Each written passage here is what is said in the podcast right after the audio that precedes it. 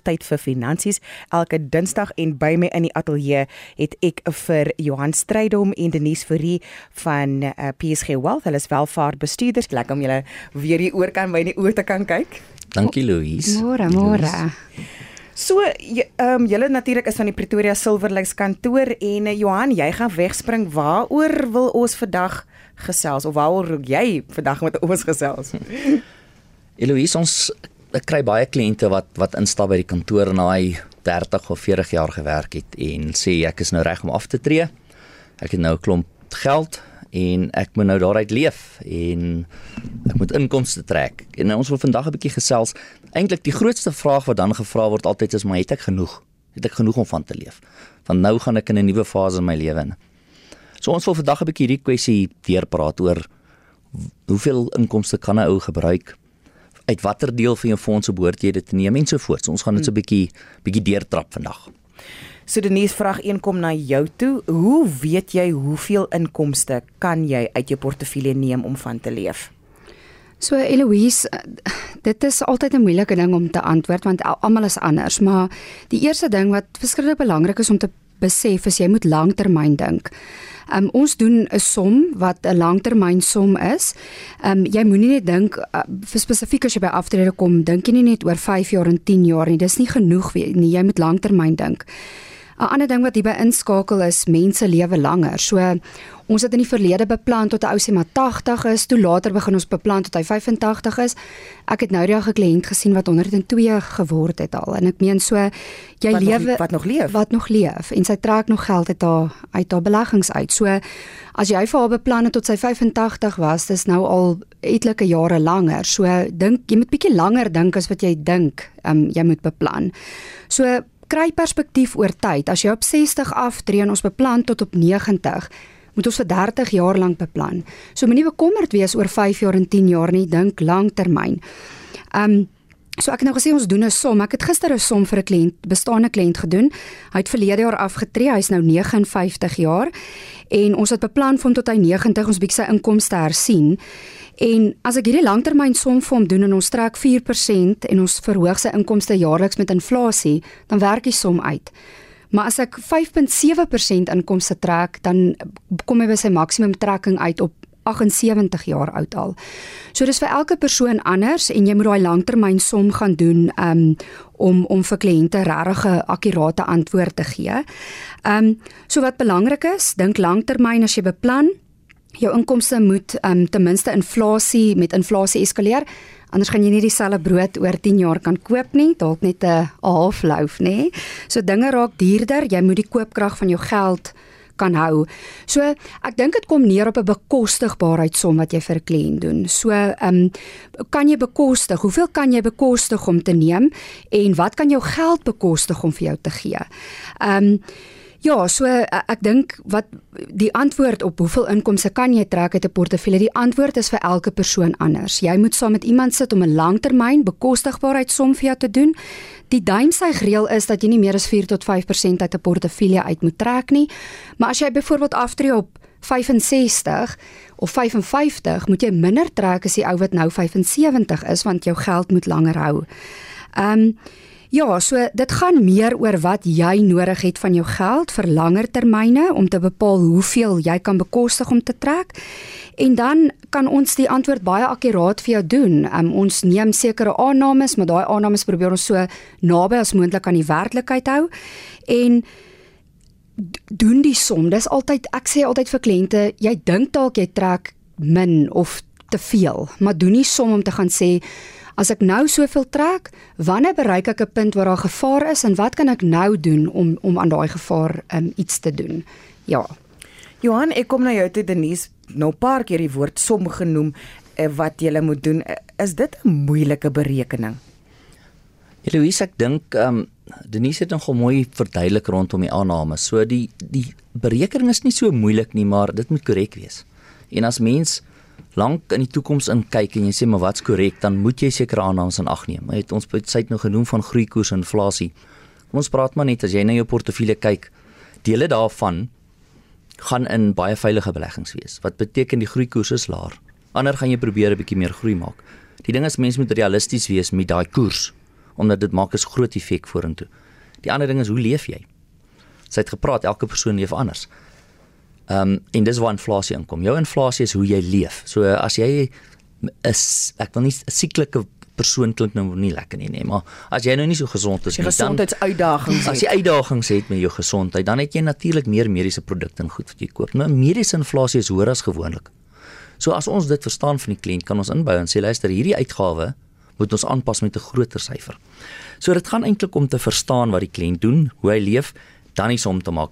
Sy het nou nog gepraat van 'n duimsig reël van 4% en 5%. Um, ehm, mense verstaan nie altyd wat ons bedoel by 4 en 5 nie. 'n Maklike ding is vir elke 1 miljoen rand wat jy het, kan hy vir jou omtrent 4 of 5000 rand per maand gee.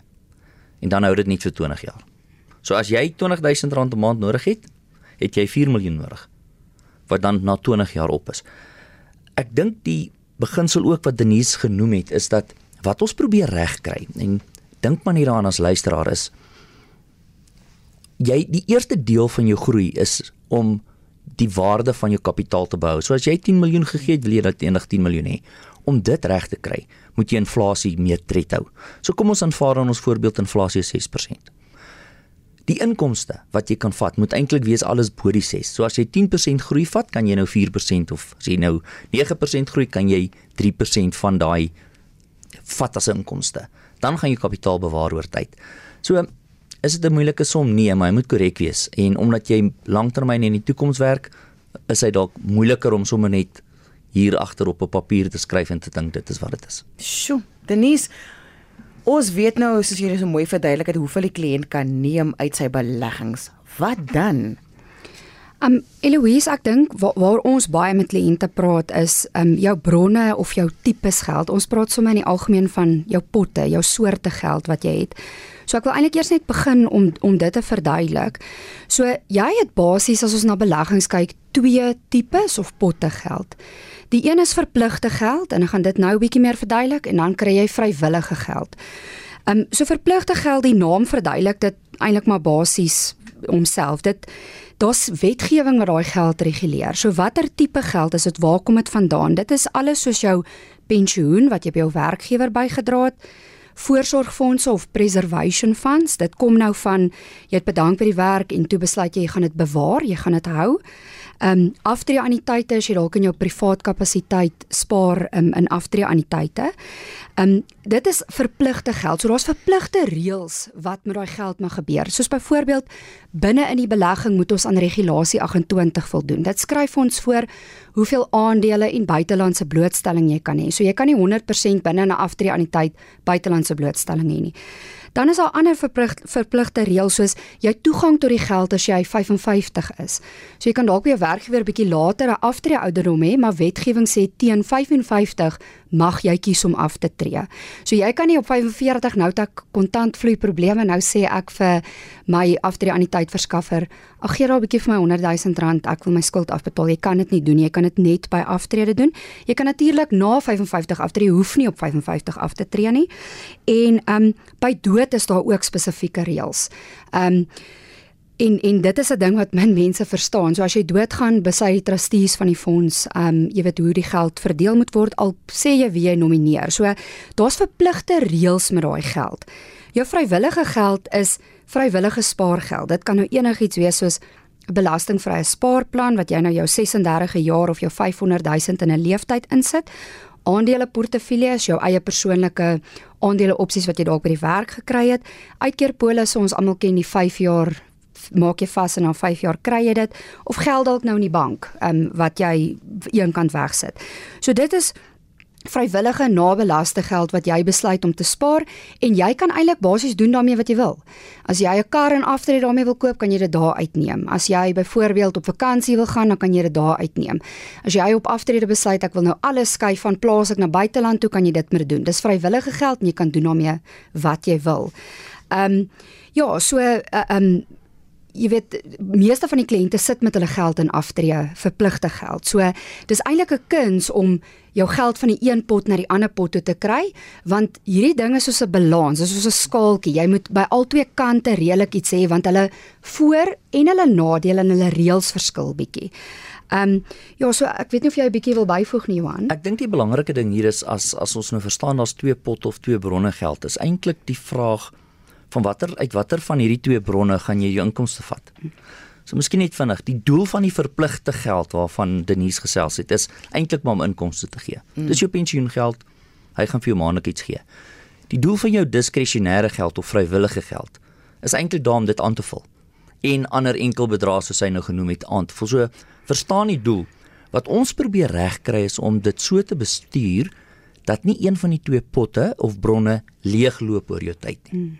En dit is eintlik die belangrike ding is om te sê maar waar vat ek wanneer? Nou die belangrike ding hier is dis 'n jaarlikse ding. Jy moet hierdie kombinasie jaarliks regkry. Want jou situasie verander. By aftree is maklik. Dis ek weet wat ek nou gaan doen, maar volgende jaar is dit anders. So wat ons ondervind dis nie 'n eenmalige besluit nie. Ehm um, jou situasie vandag is nie 'n situasie oor 5 jaar nie. Ons stap maar pad saam met ons kliënte want dit is iets wat elke keer moet gebeur om daai kombinasie reg te kry. Ja, dis wat ek nou net wat my opval terwyl hulle praat is hierdie is nie 'n 'n berekening wat jy op jou eie kan doen nie een en is ook nie 'n eenmalige berekening nie. Ek sê altyd vir kliënte die die elk 'n um, 'n munt het twee kante.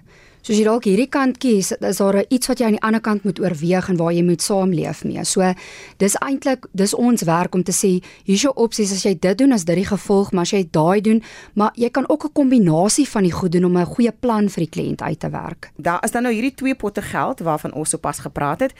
Hoe verskil die belastinghantering op die twee? OK, um Eloise, ek gaan nie belastingreëls op jou verpligte kant want ek mos mos 'n regs agtergrond, so ek hou meer van die verpligte geld en dan gaan ek vir Johan die makliker vrywillige kant gee. Um so ek ek gaan dit opbreek um in in in vier goed wat jy aan moet dink. So as jy oor belasting praat, is die eerste ding wat jy moet dink jou bydrae. So jou bydrae tot verpligte geld is um is aftrekbaar vir um teen jou belasbare inkomste. So almal weet van hierdie reël van 27.5% van jou belasbare inkomste tot 'n maksimum van R350 000 per jaar. Maar wat beteken dit? As jou inkomste 'n miljoen rand was, jou belasbare inkomste hierdie jaar, dan kan jy R275 000 aftrek van jou belasbare inkomste, dit wat jy bygedra het tot hierdie aftreefondse, so dit maak op die einde jou belasting bietjie minder. So dit is 'n lekker voordeel wat jy kan gebruik. Ehm um, dis ook hierdie tyd van die jaar wat baie mense hulle aftree aan die tyd 'n bietjie optop en en bysit. As jy meer bydra as wat jy kan bydra, dan rol dit oor na die volgende jaar toe. En dit het later by jou aftrede 'n groot um voordeel. So nee, dit wag hou gou vas. Hoe sê hoe bedoel jy nou? Okay, so sê maar ek kon nou um 200 000 rand kon ek bydra want dis my 27.5% en ek het 300 000 bygedra. Ek het meer bygedra as wat ek kon aftrek. Dan rol dit oor na die volgende jaar toe. So volgende jaar sê SARS my, jy het nog hierdie 100 000 rand oor en jy kan dit nou aftrek by jou belasbare inkomste. En later as jy aftree, dit ook 'n baie groot voordeel. Jy kan 'n groter lompsom vat. So jy verloor dit nie en dis maar net die belangrike ding om te onthou. Ehm um, een ding wat ek altyd sê, die ontvanger het nou vir jou iets gegee. Hy het vir jou nou 'n belastingvoordeel gegee, maar sy ander hand is agter sy rug. So onthou hy gaan dit nou nou terugvat, nê? Nee? So hy gaan nou terugkom daarna toe. Binne in hierdie verpligte geld. Dit is nou alles jou ehm um, aftreeanniteite, jou pensioen, jou lewende anniteite, pensioengeld of aftreegeld. Is die groei rente en dividende is belastingvry baie groot voordeel. Want as jy 'n aandeleportefeulje binne in 'n aftreeanniteit of 'n lewende anniteit het, betaal jy nie kapitaalwinsbelasting nie. Jy betaal nie op die dividende jou 20% terughoudende belasting nie. So dis 'n dis 'n lekker groot voordeel wat jy wat jy kan benut. Hier sou waar SARS se hand agter die rug uitkom want as hierdie geld uitkom um, uit uit jou as jy nou aftree die dag dan sê SARS nee maar ek het nou mos vir jou toegewing gegee. So nou's net die eerste 550 wat jy in 'n leeftyd vat belastingvry. Dis verskriklik belangrik As jy dalk uit een aftree aan die tyd 2 jaar terug afgetree het en jy daar 300 000 kontant gevat, het jy net 250 000 rand oor. Jy kry dit nie elke keer met 'n aftrede nie. Jy kry dit een keer in 'n leeftyd, so onthou dit. En gewoonlik die reël is maar 1/3 kan jy in kontant vat en 2/3 moet nou vir jou 'n inkomste gee. Daai inkomste is belasbaar. Dis soos 'n salaris. So, as jy inkomste trek nou uit jou pensioen uit, gaan jy belasting daarop betaal. So ons doen al daai somme om vir jou te wys want 'n kliënt wil nie weet hy trek byvoorbeeld 20000 nie, hy wil weet hoeveel gaan hy kry na belasting en dit wys ons vir jou. Ehm um, dan die laaste ding wat jy moet oorweeg by hierdie verpligte geld, wat gebeur by jou dood? Ehm um, so jou verpligte geld is nie 'n bate in jou boedel nie. Daar is een of twee uitsonderings, maar oor die algemeen kan jy sê dis nie 'n bate in jou boedel nie. En hier het ek nou nog genoem oor die die pensioenfonds trustees besluit. Hulle gaan kyk wie so ek het nou gesê my man nomineer ek as die begunstigde. Maar as ek afhanklike kinders het, kan hulle toedeling aan my kinders maak dan kyk kyk hulle verby my nominasie. En 10 10 en my jonger kind gaan 'n groter 'n voordeel kry as my ouer kind byvoorbeeld, want hy het nog langer tyd sien op skool of universiteit of wat ook al. So weet net dat jou dat jou nominasie is nie heel bo die reg nie. Ehm um, so ja, uh, jy jy hierdie geld verskil redelik, maar daar is belastingvoordele, maar net soos ek nou nog sê die munte twee kante. So as jy 'n voordeel aan die een kant het, is dit 10 teen 'n uh, ek wil nie sê 'n nadeel nie, maar daar's 'n ander kant wat jy moet oorweeg. Ehm um, wat wat 'n gevolg het as jy kyk na na die tipes geld. Nou, Miskien kom ons uh, sorry um Eloise. Nee, praat jy asseblief. Jy's jy's die kundige. nee, ek ek luister net, ons kan baie maklik baie tegnies raak oor hierdie goed, maar wat ons eintlik hier vir mekaar sê is jy verpligte geld kry jy sekere voordele tydens jou bydrae, maar dan later as jy nou afgetree is en jy wil inkomste trek, dan sal weer be sekere belasting.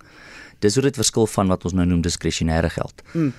Jy spaar geld of maak spaar of het 'n ehm um, na jy bonus of 'n salaris gekry het en jy reeds belasting betaal het. So jy het nou klaar die belasting betaal, nou het jy die geld, nou spaar jy dit. Van daardie af gaan jy net belasting betaal op die groei. So of dit nou as dit rente is, gaan jy op die rentebelasting betaal of as dit kapitaalwinsbelasting is met ander woorde op die kapitaalgroei. Waar hulle sê dis wat jy ingesit het, dis wat dit nou werd is, die verskil is wins. Ehm um, so dis eintlik hoe jou diskresionêre goed werk. Onthou maar net wat oor is word deel weer van jou boedel by dood vir boedelbelasting. Daar's sekere aftrekkings, maar ons gaan nou nie tegnies wees nie. Ek dink hierdie punt om af te sluit, die belangrike ding vir ons is as ons met twee gades werk. Doen ons ook die berekening om te sê hoe lyk hulle belastingkoerse? Hoe verskil dit? Want op daai manier kan ons dan die portefeulje so saamstel dat ons uit die regte persoon inkomste vat in 'n laer belastingkoers en op daai manier op jy in kry jy 'n beter nabelastinginkomste. So dit gaan as jy verstaan hoe die belastings werk, dan kan jy dit aanwend sodat jy die beste voordeel kan uitwerk vir jou kliënt. Absoluut. Ek wil weer terug na jou toe Denise. Julle het tot dusver gefokus dat ons gefokus op die inkomste wat elke kliënt kan trek. Wat dan nou van die ander kapitale uitgawes wat die kliënt mag benodig, soos die koop van 'n nuwe kar in aftrede of dalk om jaarliks met vakansie te gaan? Denise, hoe werk dit? Ek dink die maklike antwoord is bloot net om te sê uit jou vrywillige geld of jou diskresionêre geld soos Johan ge, gesê het, maar die realiteit en die werklikheid is die meeste mense is die meeste van hulle geld sit in aftreebeleggings en in pensioenfonde. So die meeste van die geld wat ons teekom is in pensioen en in jou verpligte pot. So dis eintlik om 'n om 'n som te doen of om vir 'n kliënt advies te gee om te sê Hoeveel het jy in hierdie twee potte proporsioneel nodig en en wanneer gaan jy sekere goed nodig hê? So hier's die belangrike ding. As jy aftree, kan jy hierdie besluit een keer neem. Dis 10 10 en die belangrikste besluit wat jy vir die volgende ek nou nog gepraat van langtermyn. So jy gaan hierdie besluit nou neem en dit moet vir 30 jaar moet hierdie som nou vir jou uitspeel. So ek dink die belangrike ding hier is ja, kapitaaluitgawes kom teen teen jou vrywillige geld, maar as jy nie vrywillige geld het nie, waar gaan jy dit anders kry? So jy moet hierdie een keer hierdie besluit wat jy kan maak, moet jy moet jy regmaak. So so dink so daaraan. As jy nou afgetree het en jy het nou byvoorbeeld net jou 550 belasting vrygevat en die res het jy nou na 'n anniteit of dit nou gewaarborg of 'n lewende anniteit is en daaruit kry jy nou inkomste elke maand. Na 10 jaar breek jou kar of jy moet nou jou kar uh, um, vervang en jy het nie voorsiening daarvoor gemaak nie. Jy kan nie na jou lewende anniteit of jou gewaarborgde anniteit verskaffer toe gaan en sê, "Right, um, ek kort 300 000 rand sê maar nou my kaart te vervang nie, die kapitaal is vas." So jy moet voorsiening maak vir vir hierdie twee um jy weet vir jou inkomste maar ook wel vir kapitale uitgawes.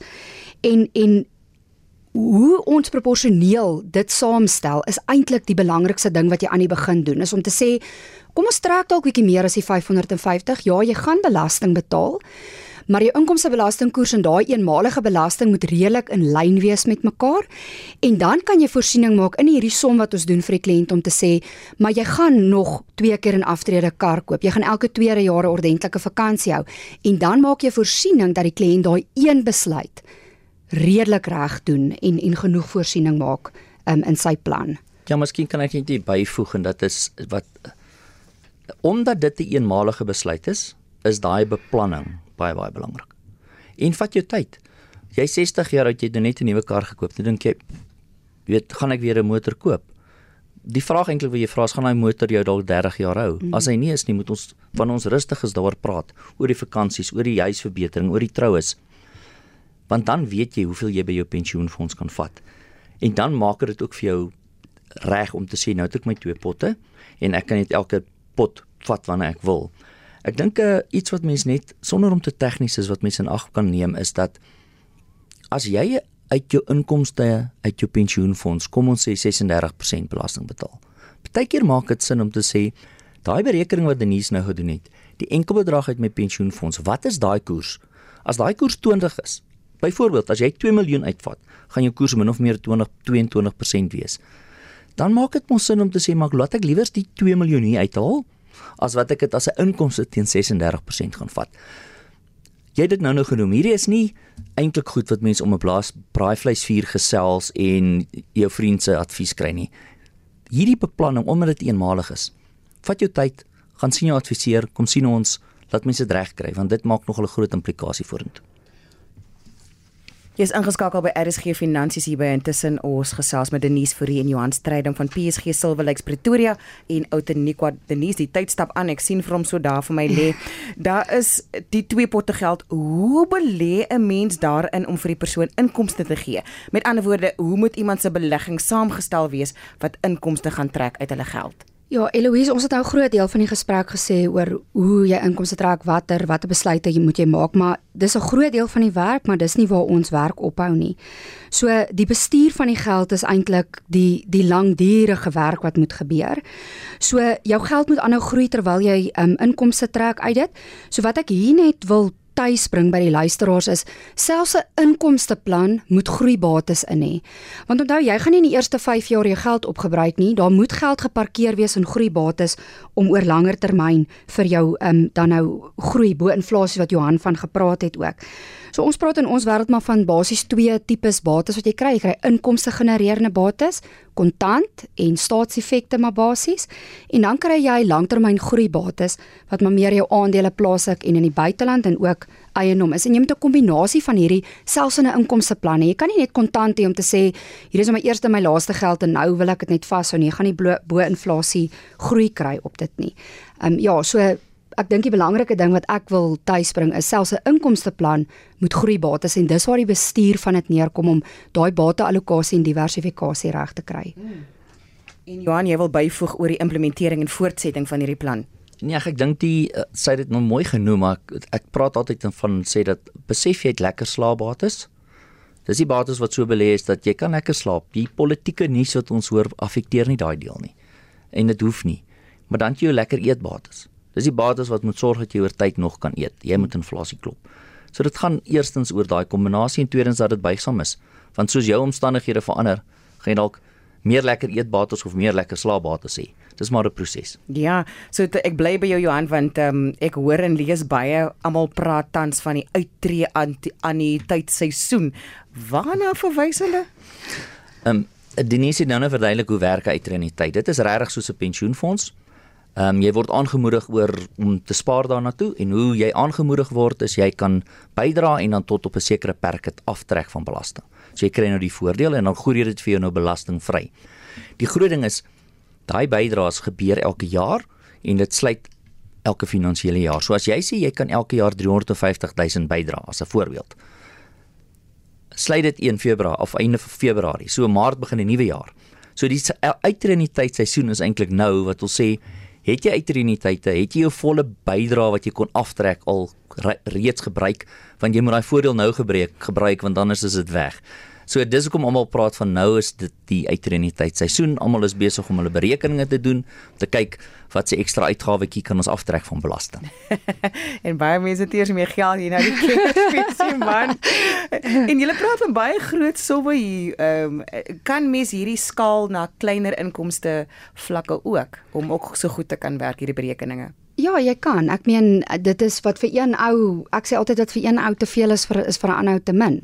So dit dit hang alles van jou persoonlike omstandighede af. Hmm. Ja, daar's 'n formule wat gekoppel is aan jou inkomste wat jy kan aftrek. So dit gaan nie om wat dit is. Ek dink die punt is moenie vasstaar dat jy 350 kan bydra nie. As jy 1000 rand addisioneel kan bydra, doen dit. Daar sê Denise, ek wil net hê jy moet vir my vinnig sê voor ons tyd het hardloop hoe of wie moet mense kontak as hulle nou hier na die program geluister het en waar kan hulle gekontak word? Ja, so Eloise, um, as jy 'n jaar of twee weg is van aftrede en jy het hulp nodig om jou aftreeplan goed te besin, Ehm um, as jy nou binnekort moet aftree en jy wil goeie raad en advies hê oor hoeveel kontant moet jy neem in jou spesifieke omstandighede en hoe gaan my kapitaal gegroei en bestuur word, ehm um, kan ons definitief gekontak word. Of jy's reeds in aftrede en jy wil jou plan en jou denke vir die, vir jou langtermyn kapitaal bietjie laat heroorweeg. Ehm um, en jy wil kyk kry jy genoeg groei sodat gaan jou plan werk oor die lang termyn. So ek gaan my kontak besonderhede gee as jy spesifiek met Johan wil praat dan kanaliseer ek jou maar sommer so. Ehm um, so ek is Denise Fourie, my e-posadres is denise.f@psg.co.za en ons landwyse nommer is 086 134 8190. So Johan, jy gee glad nie om met mense uh, by Denise uh, vir jou kom uh, aanklop nie. ek het ek het vertroue in haar sodat sy die uh, die goed sal kan regkry. Is daar nog iets wat jy wil bysit in die laaste minuut wat ons oor het? Ek dink ek het so een of twee punte saamvat. So ehm um, jy weet die die voorafbeplanning en alles wat oorweeg moet word is 'n oorweldigend. So kry iemand wat weet wat alles vir jou kan oorweeg. Die bestuur van jou kapitaal is net so belangrik. Dit help jy te plan, maar hy kan nie implementeer word nie. En jou plan en aftrede moet gedurig hersien word. Dinge verander, jy moet dalk jou plan aanpas. En dan wil ek maar net met Winston Churchill afsluit wat gesê het He who fails to plan is planning to fail. So jy moet 'n plan hê. Daar sê dit was die stem van Denise Fourie en ons het ook vir Johan Strydom gehad, welvaartbestuurders by PSG Wealth.